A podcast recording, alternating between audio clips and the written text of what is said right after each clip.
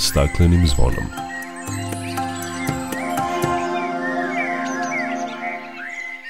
Dobar dan, dobrodošli na Zeleni talas prvog programa radija Radio Televizije Vojvodine. Ja sam Dragana Ratković. Sinoć od pola devet do pola deset milioni ljudi širom sveta ugasili su svetla i tako podržali akciju Sad za našu planetu.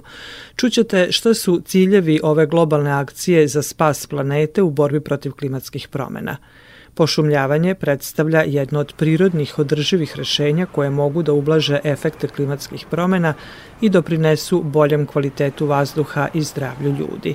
Govorit ćemo o sadnji drveća u blizini deponije u Novom Sadu, podizanju vetrozaštitnih pojaseva kod Kikinde, o usvajanju deklaracije o zabrani seče autohtonih vrsta drveća na području Parka prirode Tikvara i priobalja Dunava kod Bačke Palanke, o učešću učenika gimnazije Svetozar Marković iz Novog Sada na Evropskom samitu mladih o klimi, a predstavit ćemo vam i herbarijumsku zbirku na Prirodno-matematičkom fakultetu koja je sada smeštena u renovirane prostorije. Toliko u najavi, o svemu opširnije nakon pozdravne pesme. Dok priroda kraj nas plače, za vladarskim svojim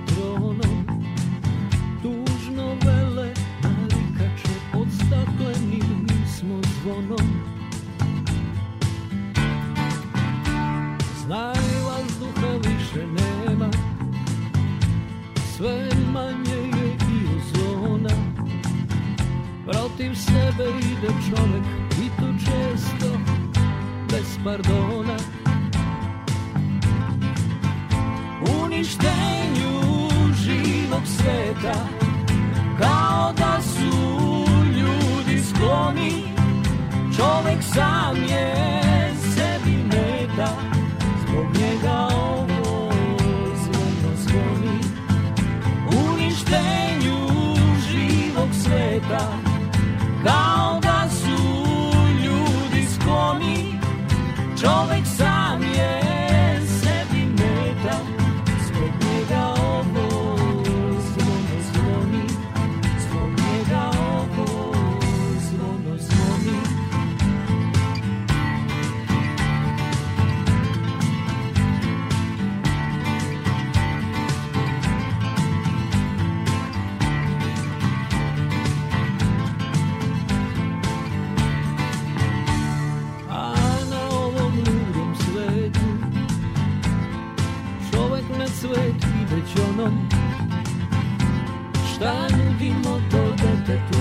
stakleni kad smo zvonom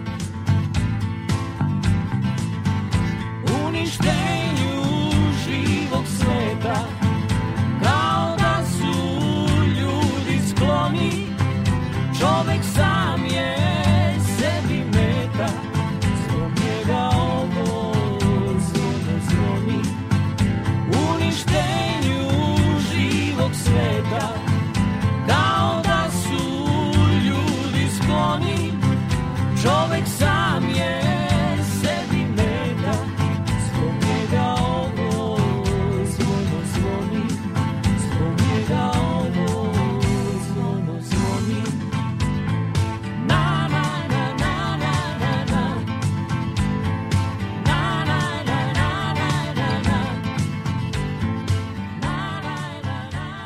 Sinoć od pola devet do pola deset širom sveta bila su ugašena svetla u gradovima na raznim objektima i u domovima onih koji su se priključili globalnoj akciji Sad za našu planetu i želeli da daju svoj doprinos u borbi protiv klimatskih promena. Akcija Sad za našu planetu se održava svake godine, poslednje subote u martu, a u njoj učestvuje više od 190 zemalja, što je čini jednom od najvećih akcija ovog tipa na svetu.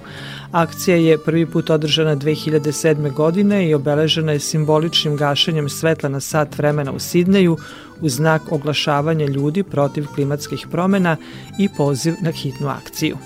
Već naredne godine mnogi gradovi širom sveta priključili su se akciji i od tada ona počinje da se širi, pa sada u njoj učestvuje, kao što rekao smo, preko 190 zemalja. Već drugu godinu za redom sad za našu planetu obeležen je virtuelno u okolnostima pandemije COVID-19 ove godine pod sloganom Pokreni se za planetu.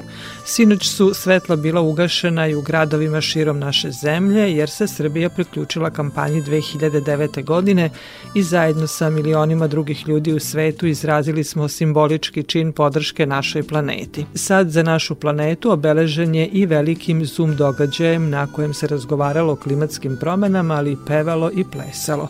Ideja o pokretanju globalne akcije Sad za našu planetu potekla je od Svetske organizacije za prirodu WWF-a i njihovih partnera. Tim povodom razgovaram sa Duškom Dimović iz WWF Adria u Beogradu. Duška, dobrodošli na Zeleni talas Radio Novog Sada. Dobar dan, uvek lepo na zelenom talasu. I nama je drago da vas čujemo i uvek imamo povoda.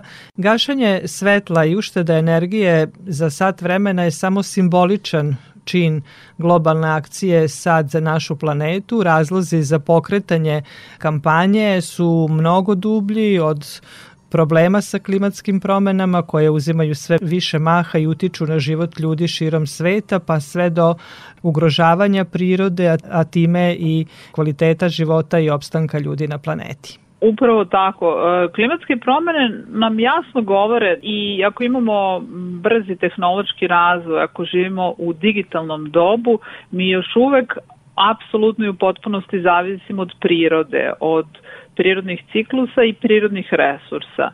I posledice našeg ugrožavanja ekosistema u stvari su očigledne i za sigurnost nas ljudi i za dobrobit prirode. Tako da samo kroz očuvanje prirode, kroz jedno šire shvatanje održivog razvoja, očuvanjem prvenstveno prirodnog kapitala, održivom proizvodnjom i mudrijom potrošnjom možemo da nekako se uskladimo i napravimo rešenja koje su zasnovane na prirodi. S obzirom na to da smo stanovnici ove planete i da je ostavljamo mlađim generacijama, važno je da svako od nas da svoj doprinos i možda je to upravo i glavni cilj ove akcije da se što više ljudi uključe i da menjamo svoje navike kako bi obezbedili bolji život na planeti. Ono što, što nekako je najvažnije da klimatske promene su sada i ovde, a ne za 100 godina na severnom polu i važno je da budućnost uh, u kojoj mladi zapravo već žive prilagodimo i nekako ove probleme koje smo mi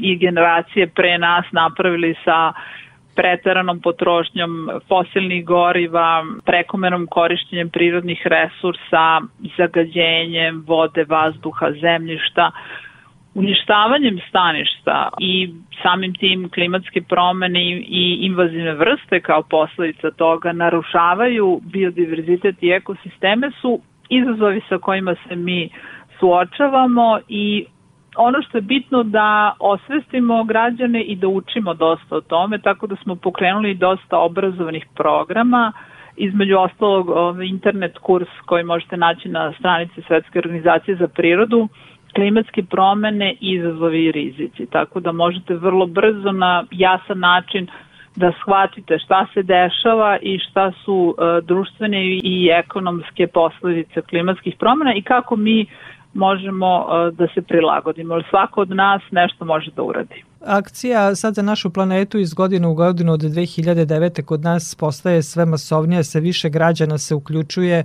sve više institucija u našoj zemlji se uključuje i lokalnih e, samouprava, što pokazuje da postajemo sve svesniji problema sa kojim se suočavamo, dakle sa klimatskim promenama koje su ovde već na delu. Nedavno smo dobili i zakon o klimatskim promenama. Koliko će to sve doprineti blažavanju klimatskih promena čije posledice se već svi osjećamo. Donošenje zakona je jako važno i zakon o klimatskim promenama je samo neki prvi korak u smeru da promenimo način funkcionisanja nas kao društva. On zapravo uređuje e, sistem kako da smanjimo emisije gasova koji izazivaju efekt staklene bašte i u okviru zakona je predviđena strategija niskougljeničnog razvoja kao i strategija prilagođavanja na klimatske promene. Nažalost, za nas koji se bavimo zaštitom prirode, u ovom zakonu nije dovoljno važnosti dato upravo prilagođavanju, jer e, mi ako sada smanjimo sve emisije,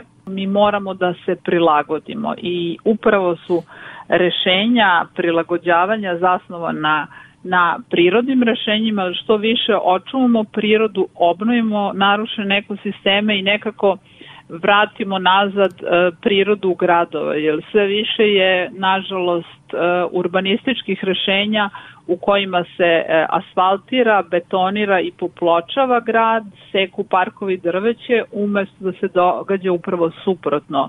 Jer jedno plućno krilo planete su nam šume, a drugo plućno krile planete su nam mora i okeani. I u tom smislu moramo jedno i drugo da čuvamo. Mi nemamo mora i okeane, ali imamo reke, tako da je tu takođe bitna veza sa klimatskim promenama da ne znači da svi obnovljivi izvori energije koji su kao takvi dobri jer smanjuje emisije gasova koji izazivaju efekt staklene bašte nisu nužno dobri za prirodu. I očet primer toga su male hidrocentrale koje uništavaju našu prirodu, naše reke i onemogućavaju ljudima u lokalu, u selima da koriste vodu ili voda u cevima. Znači, to ne smatramo dobrim načinom prilagođavanja. Upravo očuvana priroda, obnova vlažnih staništa, čuvanje reka je nešto što nam pomaže da se prilagodimo. Izjava koju je dala ministarka Zorana Mihajlović je da u novom zakonu o obnovljivim izvorima energije neće biti dozvoljena gradnja mini hidroelektrana u zaštićenim područjima. Čekamo da, da vidimo taj novi zakon i radujemo se tome, ali osim naravno zaštićenim područjima važno je da čuvamo reke i van zaštićenog područja jer su nam ovaj reke, koridori i svi rečni ekosistemi predstavljaju stvari ekološke mreže na koji su, su nam e, povezana naša vlažna staništa. Tako da pozdravljam ovo, ali nadamo se još većoj zaštiti, jer upravo je nedavno bio veliki summit na nivou Evrope i sveta koji je organizovao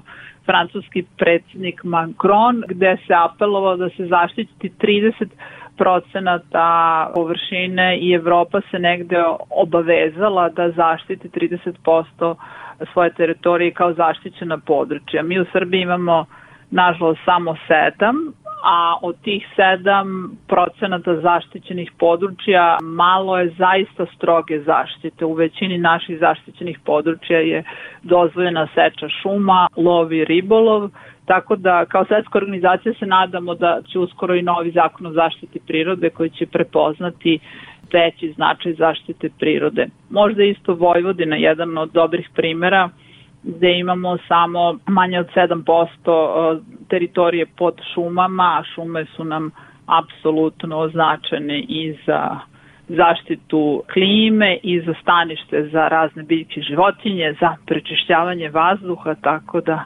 bez šuma, bez zaštićenih područja nećemo se prilagoditi ne klimatskim promenama. Moto ovogodišnje akcije Sad za našu planetu pokreni se za planetu pokreni se za planetu, planeta je e, čitav tvoj svet. Hteli smo nekako da budemo pozitivni, jer dosta je tih, da kažemo, depresivnih tema vezanih za zaštitu prirode i klimatske promene. Hteli smo da osnažimo ljude da je nešto moguće uraditi i napravljena je za ovu priliku originalna muzika i tekst Lejle Hot i e, muzički aranžman Ognjena Cvekića imamo veliki broj solista, osim Lejle Hot, tu su Bojana Stamenom, Igor Lazić Nigor, Tijana Dapčević, Darija Vračević i Rena Brodić. I takođe peva muzički hor Deči, Master Blaster i taj spot možete vidjeti na našim društvenim mrežama i nadam se da će vaši slušalci moći da, da čuju pesmu. Stvarno se zahvaljujem svima, dosta se ljudi odazvalo i pojedinaca i organizacija da se uključe, jer nekako je prepoznata, evo, posle 13 godina ova kampanja sad za našu planetu kao bitna, ne samo taj jedan sat, nego da svaki nam dan bude za planetu. Duška, hvala lepo za razgovor, a mi slušamo pesmu povodom e, ovogodišnjeg sata za našu planetu. Hvala vama.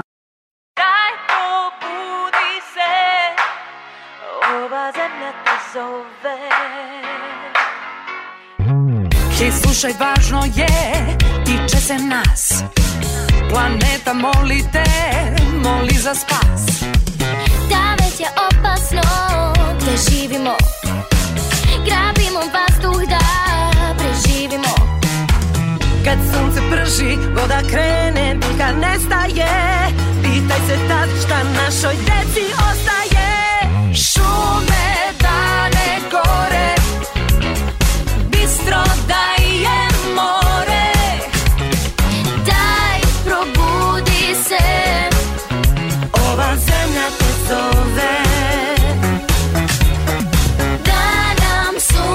sunce sija Vazduh da nam prija. Dom da bude svima Klima da nam štima. Hej ti pokreni se, prati moj glas Nauči korake, pojačaj bas. Oči ne zatvaraj se prirodi za promenu Te pamet stane, ljubav krene kad smo zajedno Zove te ritam, za planetu plešimo. Šume, dane, gore Bistro daje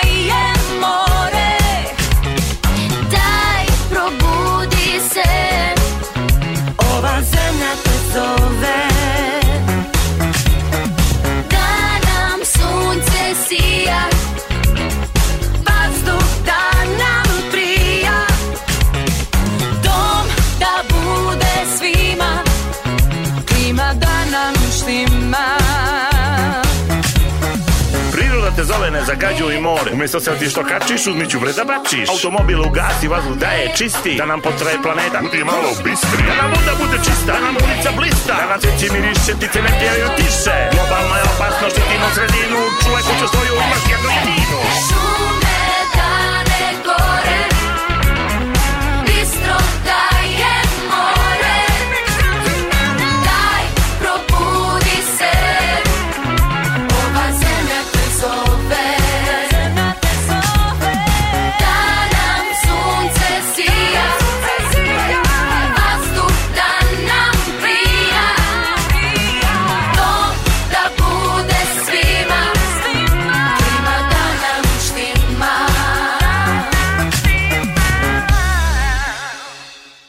Slušate emisiju pod staklenim zvonom.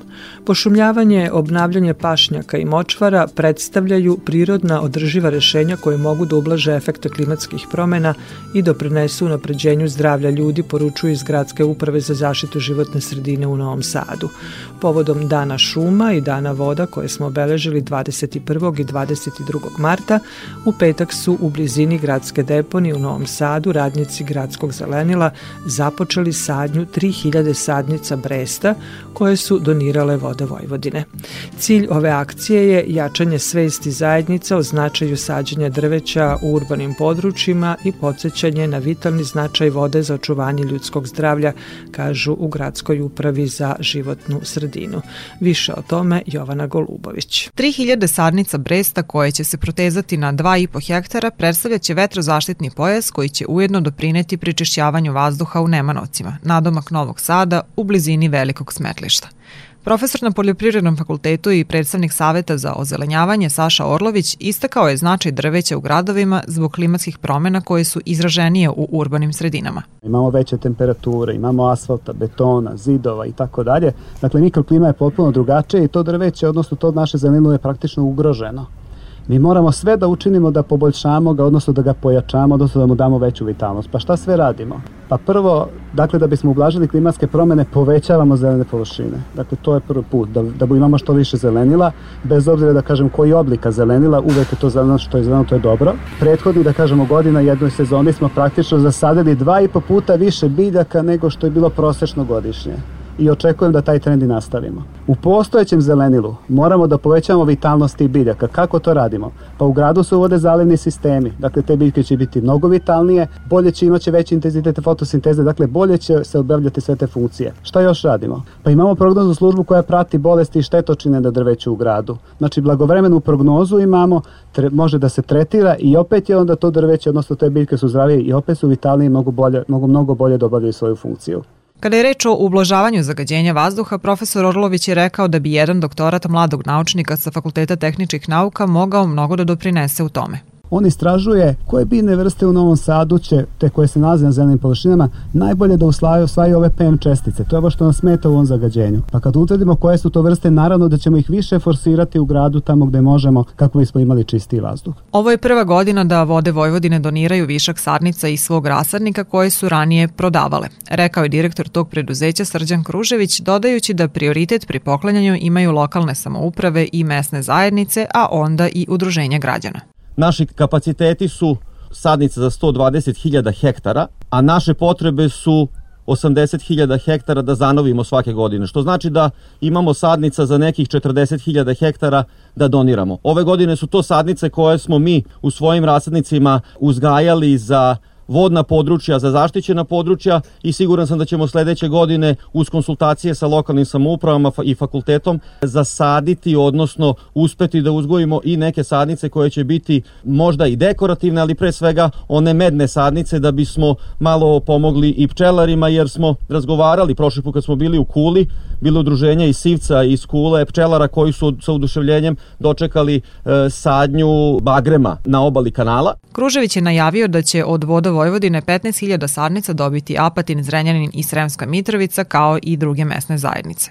Sadnja drveća u Nemanovcima od izuzetne važnosti zbog velike deponije, a kako je najavio gradonačelnik Novog Sada Miloš Vučević, najvažniji cilj Gradske uprave za zaštitu životne sredine u narednom periodu biće sanacija tog smetlišta i izgradnja regionalnog centra za upravljanje čvrstim otpadom, koje će biti udaljena od tog naseljenog mesta. Mi idemo u pripremu dokumentacije za regionalni centar za upravljanje čvrstim otpadom.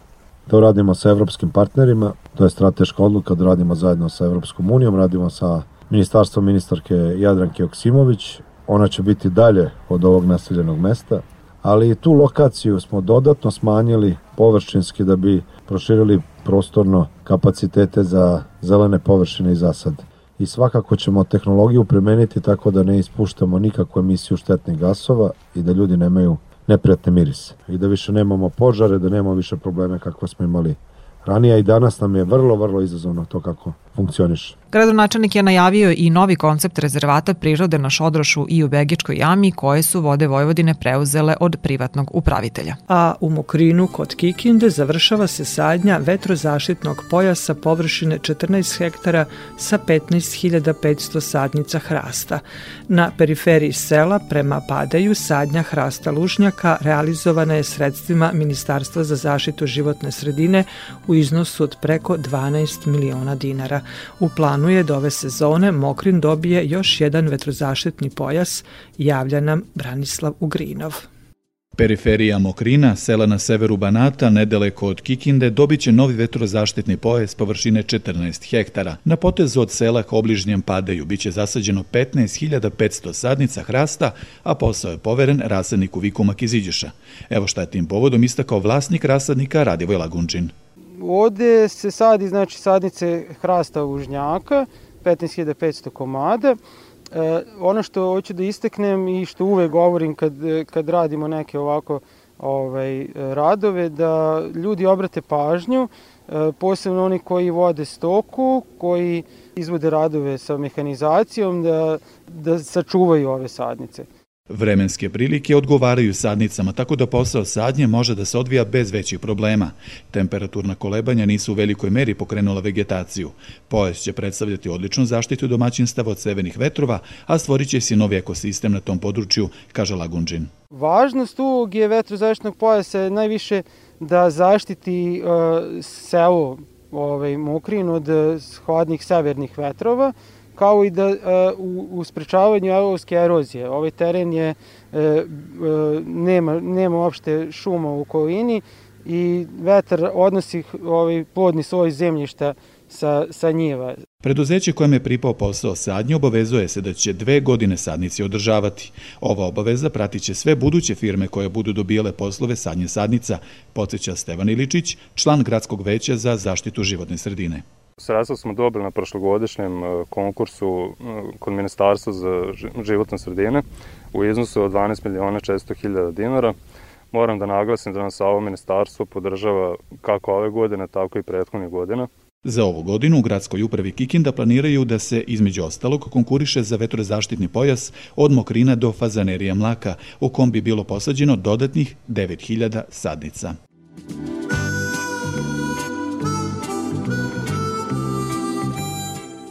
Slušate emisiju pod staklenim zvonom i u ovoj emisiji govorimo o seči drveća u Polojskoj šumi koja je izazvala pažnju javnosti. Naime, kao što znate, seča starog hrasta u Polojskoj šumi je zaustavljena, a Vojvodina šume obećavaju da će deo novca od posečenih stabala uplatiti u humanitarne svrhe. O ovoj temi bilo je reči i na hitnoj sednici Skupštine opštine Bačka Palanka, na kojoj je usvojena deklaracija o zabrani seče autohtonih vrsta drveća na području Parka prirode Tikvara i priobalja Dunava, kao i odluka da se osnuje privremeno radno telo u vezi sa gazdovanjem šumama u Bačkoj Palanci.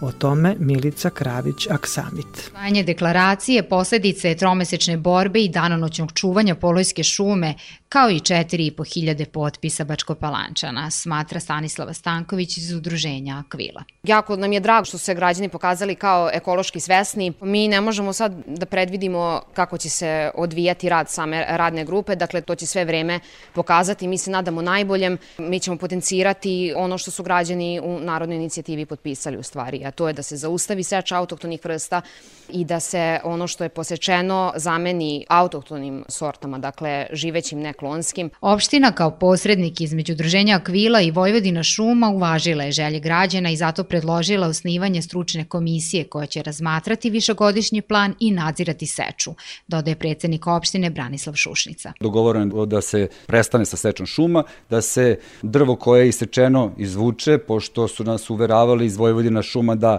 trenutno postoji mogućnost da posečeno drvo i propadne na neki način i kaže vam na oročnom periodu koji ćemo doneti svakako to skupštinsko radno telo će doneti, doneti jedan oročeni period nakon koga ćemo ponovo sesti skupštinske klupe kako bi doneli pravu odluku koja će biti u interesu i građana opštine Bačka Palanka koji su bili potpisnici pomenute deklaracije, tako i Vojvodina šuma i naravno udruženja građana Akvila. Radnu grupu će činiti predstavnici šumarske struke, biolozi sa Novosadskog univerziteta i članovi udruženja Akvila, pojašnjava predsednik Skupštine opštine Milan Čavić. Radna grupa za četiri meseca donese stavove i zaključke kako bi, kada donesete zaključke, e, predočili ih na Skupštini, kako bi nakon toga mogli da se to usvoji i da to obaveže Vojvodina šume, jer da imaju period, e, jer oni, kao što znate, 1. oktobra počinju sa radovima seče, pošumljavanja i toga, kako bi oni imali 2-3 meseca vremena da izmene svoj jednogodišnji i desetogodišnji plan. Sve se može menjati. Menja se ustav, menja se zakon, tako da ne vidim zašto je bio problem da se promeni e, neki jednogodišnji ili desetogodišnji plan. Odluke koje usvoji radna grupa biće obavezujuće za Vojvodine šume koje gazduju u opštini,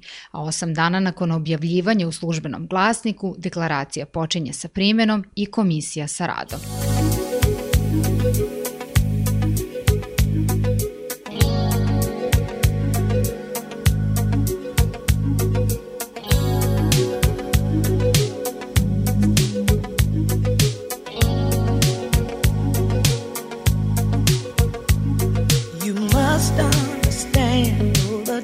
Touch of your hand makes my pulse react. That it's only the thrill of boy meeting girl opposites attract.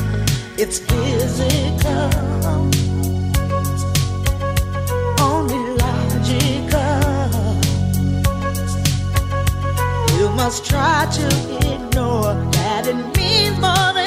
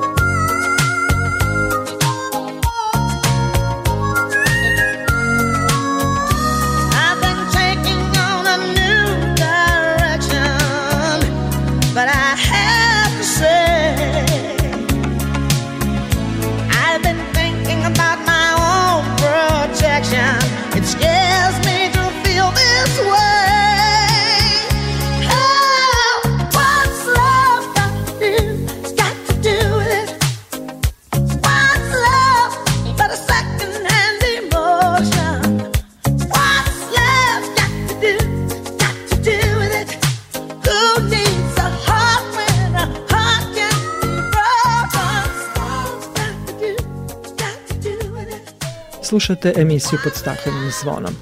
Kao što smo već govorili, ovogodišnji slogan globalne akcije Sad za našu planetu u borbi protiv klimatskih promjena je Pokreni se za planetu, a akcenat je stavljen na mlade koji svojim delovanjem mogu mnogo učiniti za budućnost planete. Da je to zaista tako pokazuje i primer učenika gimnazije Svetozar Marković iz Novog Sada koji su učestvovali na Evropskom samitu mladih o klimi koji je održan preko interneta 18. i 19. marta. Ovaj događaj organizovao je Evropski ekonomski socijalni komitet, a prati model konferencije Ujedinjenih nacija o klimatskim promenama. Prema rečima profesorice biologije iz te gimnazije Ksenije Novevski od ukupno 789 škola koje su se u novembru 2019. javile na konkurs koji je raspisao Evropski ekonomski i socijalni komitet, gimnazija Svetozar Marković izabrana je među 33 škole da učestvuje u dvodnevnoj debati o temi globalno zagrevanje. Škole su inače u okviru ove debate trebale da predstavlje svoj program koji je mogao biti urađen na nivou neke individue, na nivou institucije ili na nivou samog grada. Cilj tog projekta bilo je da dobiju neko idejno rešenje kako da se smanje emisije ugljen dioksida, a samim tim i da se smanje posledice od globalnog zagađivanja, odnosno da dođe do sniženja prosečnih godišnjih vrednosti temperature čak za 2 stepena tako da su naši učenici eto imali priliku da učestvuju upravo u ovom projektu. Interesovanje učenika i profesora škole za učešće u ovom projektu bilo je veliko, pa je meni i profesorici Milici Marjanović bilo teško da odaberemo učenike koji će predstaviti njihovu ideju, kaže Ksenija Novevski. Mogu vam reći da je odaziv učenika i želja za učestvovanje bila izuzetno velika. Mi smo se u jednom trenutku našli u kabinetu sa njih preko dvadesetak koji su želeli da učestvuju svemu tome. Nažalost, ograničen je bio broj na samo tri učenika, tako da smo u jednom trenutku napisali njihova imena na papirima i bukvalno izvlačili imena. Tako da su eto tu priliku dobili učenici Lenka Stević iz četvrtog 2, Relja Jocić takođe iz četvrtog 2 i Strahinja Đukić iz četvrtog 9. Glasanjem članova Evropskog ekonomskog i socijalnog komiteta ideja učenika gimnazije Svetozar Marković u borbi protiv klimatskih promena dobila je najviše glasova i osvojili su prvo mesto. Kako sami kažu, za razliku od drugih, njihova ideja dala je konkretno rešenje za smanjenje emisije gasova s efektom staklene bašte i smanjenje posledica globalnog zagrevanja. Prema rečima Strahinje Đukića, za idejno rešenje poslužila im je gradska deponija. Naša glavna ideja u stvari bila da se iskoristi svo to smeće iz deponija, da se ono postavi u velike podzemne bunkere, da se akumulacijom tih gasova koje bi se vremenom stvorili u tim podzemnim bunkerima, tu bi se akumuliralo naravno mnogo ugljen dioksida i metana koji bi kasnije mogo da se iskoristi u razne svrhe kao što je na primer zagrevanje grada. Pored predstavljanja najboljih, učesnici Evropskog samita mladih o klimi imali su priliku i da razgovaraju o najboljim načinima zaštite životne sredine koristeći slogan Naša klima, naša budućnost. Razgovarali smo o svim potencijalnim rešenjima kao i koliko bi njihova primena mogla uticati na klimatske promene, kažu Lenka Stević i Relja Jocić. Pričali smo, na primer, seči šuma ili o sađenju šuma, o elektrifikaciji e, gradskog prevoza i zgrada, o povećanju poreza na ugalj i na slične zagađivače i u simulaciju i igru mi smo zapravo došli do nekog najboljeg rešenja i kombinacije za rešenje klimatskih promena. Cilj te simulacije je bio da se smanji porast temperature na 1,5 do najviše 2 stepena Celzijusa iznad preindustrijalnih nivoa a za sada smo na putu da to bude preko 3,6 stepeni Celsijusa to povećanje i 2015. tim dogovorom u Parizu su ti ciljevi postavljeni. Da smo mi u jednom tom programu se dogovarali i pregovarali kako da smanjimo i određenu temperaturu. Ne samo učenici, nego i njihovi profesori aktivno su učestvovali kroz rad u radionicama na samitu, dodaje profesorica Milica Marjanović. Gde je bilo predstavljanje prioritete Evropske unije u oblasti ekologije i oni su formili poseban forum koji su nazvali Learning Corner sa postavljenim nastavnim sadržajima i nastavnim materijalom upravo za učenike iz um, ekologije i mnoge druge teme, tako da u svakom slučaju biće korisno upotrebiti za nastavu za dalje podizanje svesti o problemima. Kao prvoplasirana škola sa najviše glasova, gimnazija Svetozar Marković, tačnije tročlani tim sa svojim profesorima, pozvani su da učestvuju na Evropskom okupljanju za mlade koje organizuje Evropski parlament u Strasburu u oktobru, gde će imati priliku, ukoliko epidemijska situacija dozvoli, da svoje idejno rešenje u borbi protiv klimatskih promena predstave i evropskim parlamentarcima.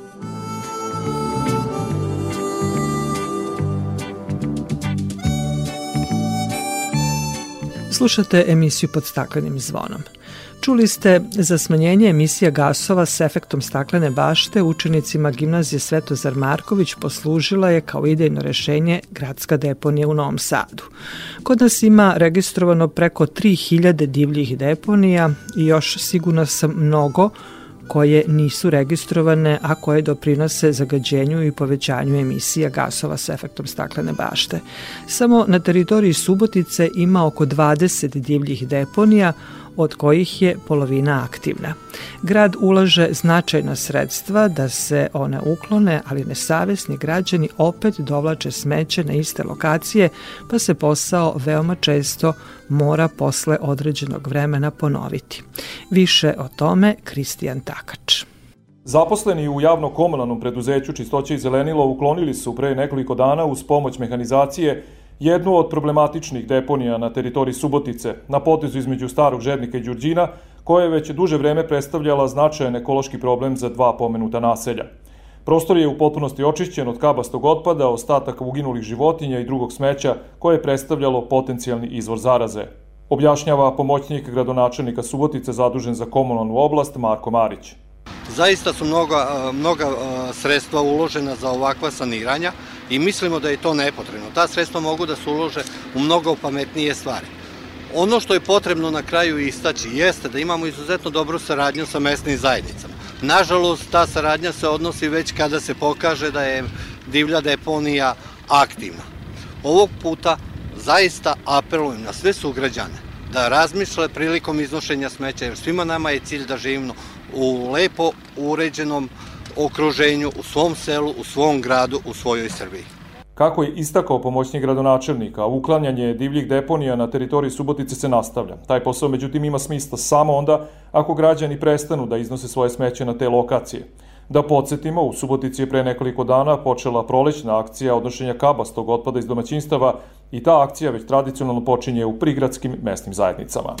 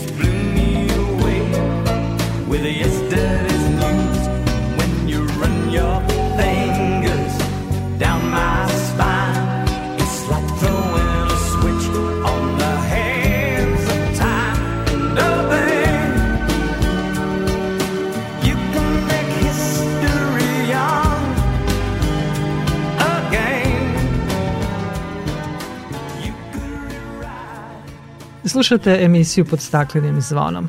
Delegacija Sekretarijata za visoko obrazovanje i istraživanje posetila je Prirodno-matematički fakultet i svečano otvorila renovirani herbar i zanimljivu kolekciju morskih sistema na Departmanu za biologiju i ekologiju. Tim povodom sa nama Milica Rat sa tog departmana. Milice, dobrodošli na talase Radio Novog Sada. Bolje vas našla. Herbarijumska kolekcija Univerziteta u Novom Sadu, Prirodno-matematičkog fakulteta, Departmana za biologiju i ekologiju je zvanično naučna kolekcija od 2003. E, godine i prijavljena u Međunarodni registar herbarijuma, ali bilo bi lepo da čujemo e, kako je nastala ova zbirka i šta ona sadrži. Jeste. Iako je zvanično prijavljena, kao što ste rekli, od 2003. godine, Herbarijum Departmana za biologiju i ekologiju nastao je nakon drugog svjetskog rata, odnosno osnivanjem više pedagoške škole 1947. godine. Prošle godine smo želi da obeležimo 60 godina postojanja te kolekcije, međutim, okolnosti su nas sprečile, ali upravo ovo što ste me vi pitali je bio povod da ljudima otkrijemo šta mi imamo na fakultetu. Fakultet čuva jednu od najvećih kolekcija botaničkih u našoj državi, a nastala nastala je znači, relativno skoro i to je ono što nas možda čini u tom uh, smislu interesantnim, s obzirom da su sve veće kolekcije u stvari nastale nekih 100 godina pre nas. Naša kolekcija nastala je kao nastavno učilo za studente biologije, kasnije ekologije, gde studenti na taj način upoznavali biljni svet oko sebe, kako u Vojvodini, na Fruškoj gori i široj ove, okolini, tako i na moru, odnosno u prostoru tadašnje e, države, ove, odnosno Jugoslavije. Kolekcija je od tada u kontinuitetu dopunjavana, tako da danas možemo da kažemo da imamo blizu 200.000 primeraka biljnih, prvenstveno sa područja Vojvodine. Drugi važan deo koji pokrivamo, znači biljni fond koji imamo jeste sa područja Jadranskog mora, a i sve ostale države kao i Balkansko poluostrvo su zastupljeni i to je ono što je nama vrlo interesantno. Šta je najvrednije u vašoj herbarskoj zbirci? Šta biste izdvojili? Pa, jedna tema koju smo vi ja već nekoliko puta razgovarali, invazivne vrste. Prva zabeležena ambrozija ovaj, na području Srbije se nalazi upravo kod nas u kolekciji i to je s jedne strane, mislim, naj, jedan od najstarijih podataka koje mi imamo. Drugo što mogu kažem da je najznačajnije kod nas jeste upravo ti podaci vezani za floru, odnosno staništa Vojvodine. Znači mi čuvamo sve te vrste koje rastu na stepama, na slatinama, tako da imamo recimo primjerke delove biljaka, naravno ne cijelu biljku banatskog božara koji je nekada rastu i na Fruškoj gori, danas ga više nema na Fruškoj gori, ali to je nešto onako vrlo interesantno sa te strane zaštite očuvanja prirode. I imamo recimo veliki broj vrsta koje rastu na slatinama Vojvodine, koje su među najugroženijim staništima danas u Evropi.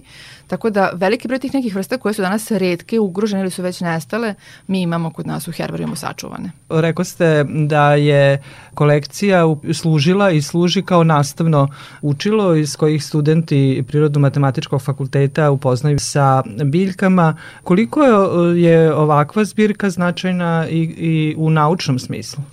Pa e, danas prevashodno herbarijum ima upravo tu naučnu svrhu. Nekada kada su osnivani herbarijumi, pravljene su to kao kolekcije da budu učbenici u kojima se nalaze te biljke zalepljene pa da ih učenici mogu videti. Danas su to prevashodno zbirke gde se u stvari nalaze podaci o biljkama, gde mi možemo da vidimo kada je biljka negde sakupljena, na kom mestu je sakupljena i često se dešava da tih lokaliteta danas više nema ili su izmenjeni, a istovremeno kada proučavamo recimo vrste sa, one, sa onog naučnog aspekta u smislu opisivanja novih vrsta, onda to tražimo uvek u herbarijima. Znači, poredimo te neke vrste za koje smatramo da su nove za nauku sa primjercima koji se nalaze u herbarijumu i na osnovu tih nekih uporednih analiza objavljamo te neke naučno važne podatke, tako da 21. vek je u stvari te neke muzejske kolekcije gde spada i herbarijum doneo ponovo na svetlo dana i svakodnevno ih koristimo. Dakle, dopunjujete herbarijum i sa ovim nekim novim vrstama koje na terenima otkrivate? Apsolutno da. Ono što je možda specifično za nas jeste da od kada je osnovan herbarijum u kontinuitetu, svi profesori, saradnici na fakultetu i studenti idu na terene i mi imamo jedan onako kontinuitet od 60 godina da pratimo gde se kad koja vrsta nalazi i svi te podaci se u stvari kasnije čuvaju u herbarijumu. I možete herbarijum zamisliti možda kao arhivu, kao biblioteku gde se biljke skladište po imenu, što bi rekli po abecedi, a istovremeno i po godini kada su sakupljene. Tako da to je jedno posebno blago i jedna posebna arhiva. Blago koje treba očuvati, a da bi očuvali potrebni su posebni uslovi. Dobili ste sada i renovirane nove prostorije. Šta će to značiti za herbarsku zbirku? Često ljudi kada razmišljaju o herbarijumu razmišljaju o biljkama koje se presuju između teških knjiga, ono što su radili u osnovnoj i srednjoj školi. Međutim, herbarijum je u principu jedna institucija, jedan sistem laboratorije i prostora gde se biljke čuvaju više stotina godina.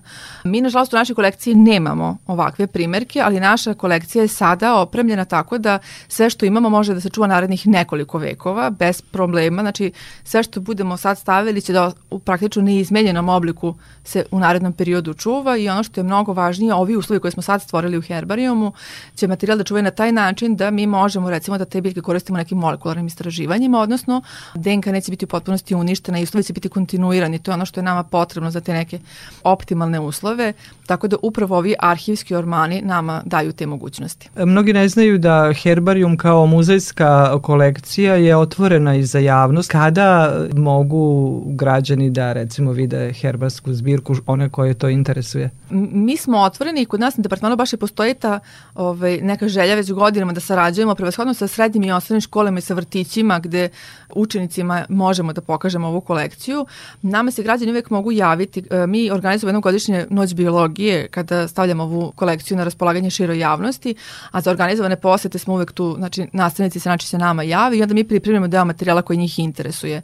S obzirom da je izuzetno teško prikazati im sve što mi imamo, svaki put kad imamo posetu ona bude vrlo specifična i mi se trudimo da ispuštujemo želje ljudi koji kod nas dolaze. Mnogi ne znaju za ovaj eh, herbarijum eh, Departmana za biologiju i ekologiju Prirodno-matematičkog fakulteta, ali eh, znamo da postoji jedna od najstarijih herbarskih zbirki u Karlovačkoj gimnaziji, to je Volnjev herbarijum. Ove godine Karlovačka gimnazija obeležava 230 godina od osnivanja, a herbarijum Andrije Volnoga je najstariji herbarijum, ali istovremeno najstarija muzejska kolekcija koju danas imamo na prostoru današnje Srbije. Nastala je tada naravno u Karlovcima u Austro-Ugrskoj, ali za Srbiju i za Srbe i za kulturu i za narode koji žive u Vojvodini od izuzetnog značaja, izuzetno stara i to je onaj drugi deo herbarijuma koji se ne vidi na našem fakultetu, a to jeste da mi u stvari radimo konzervacije e, i restauracije i naučnu obradu starih kolekcija kojih ima nekoliko u Vojvodini.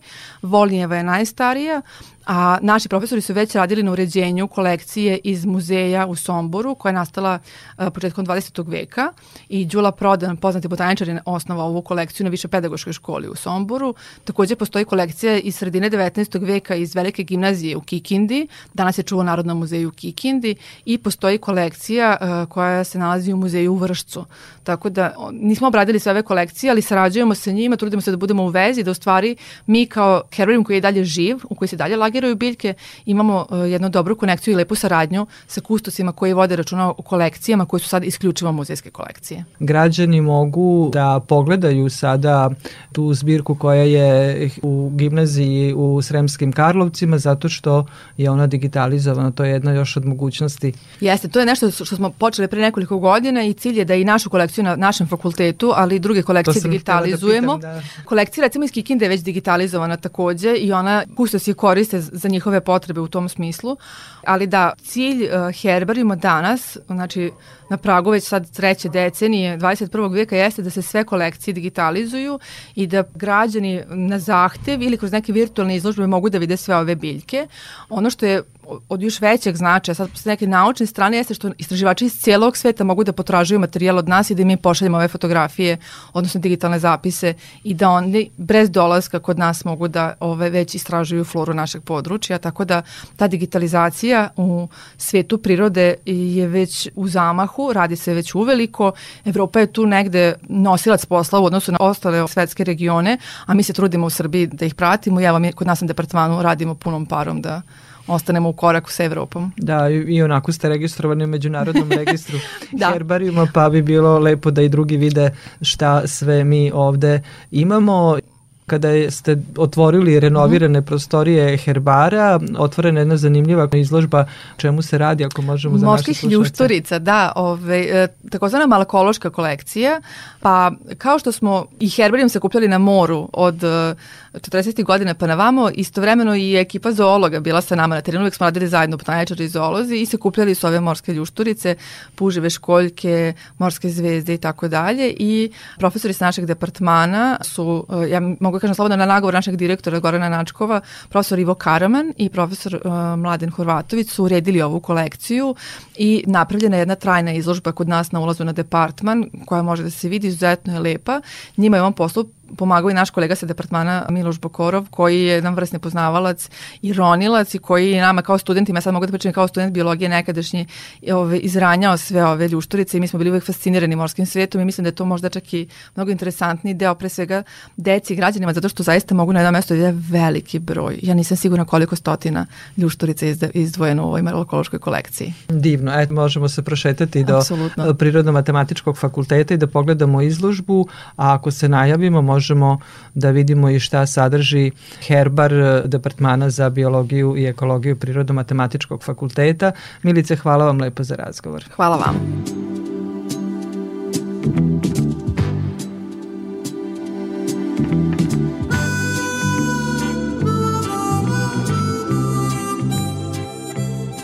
Došli smo do kraja emisije pod staklenim zvonom koju možete slušati i odloženo na podcastu Radio Televizije Vojvodine na adresi rtv.rs.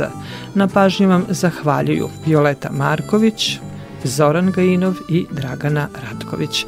Naredni susret zakazujemo za sedam dana u isto vreme na zelenom talasu prvog programa radija Radio Televizije Vojvodine.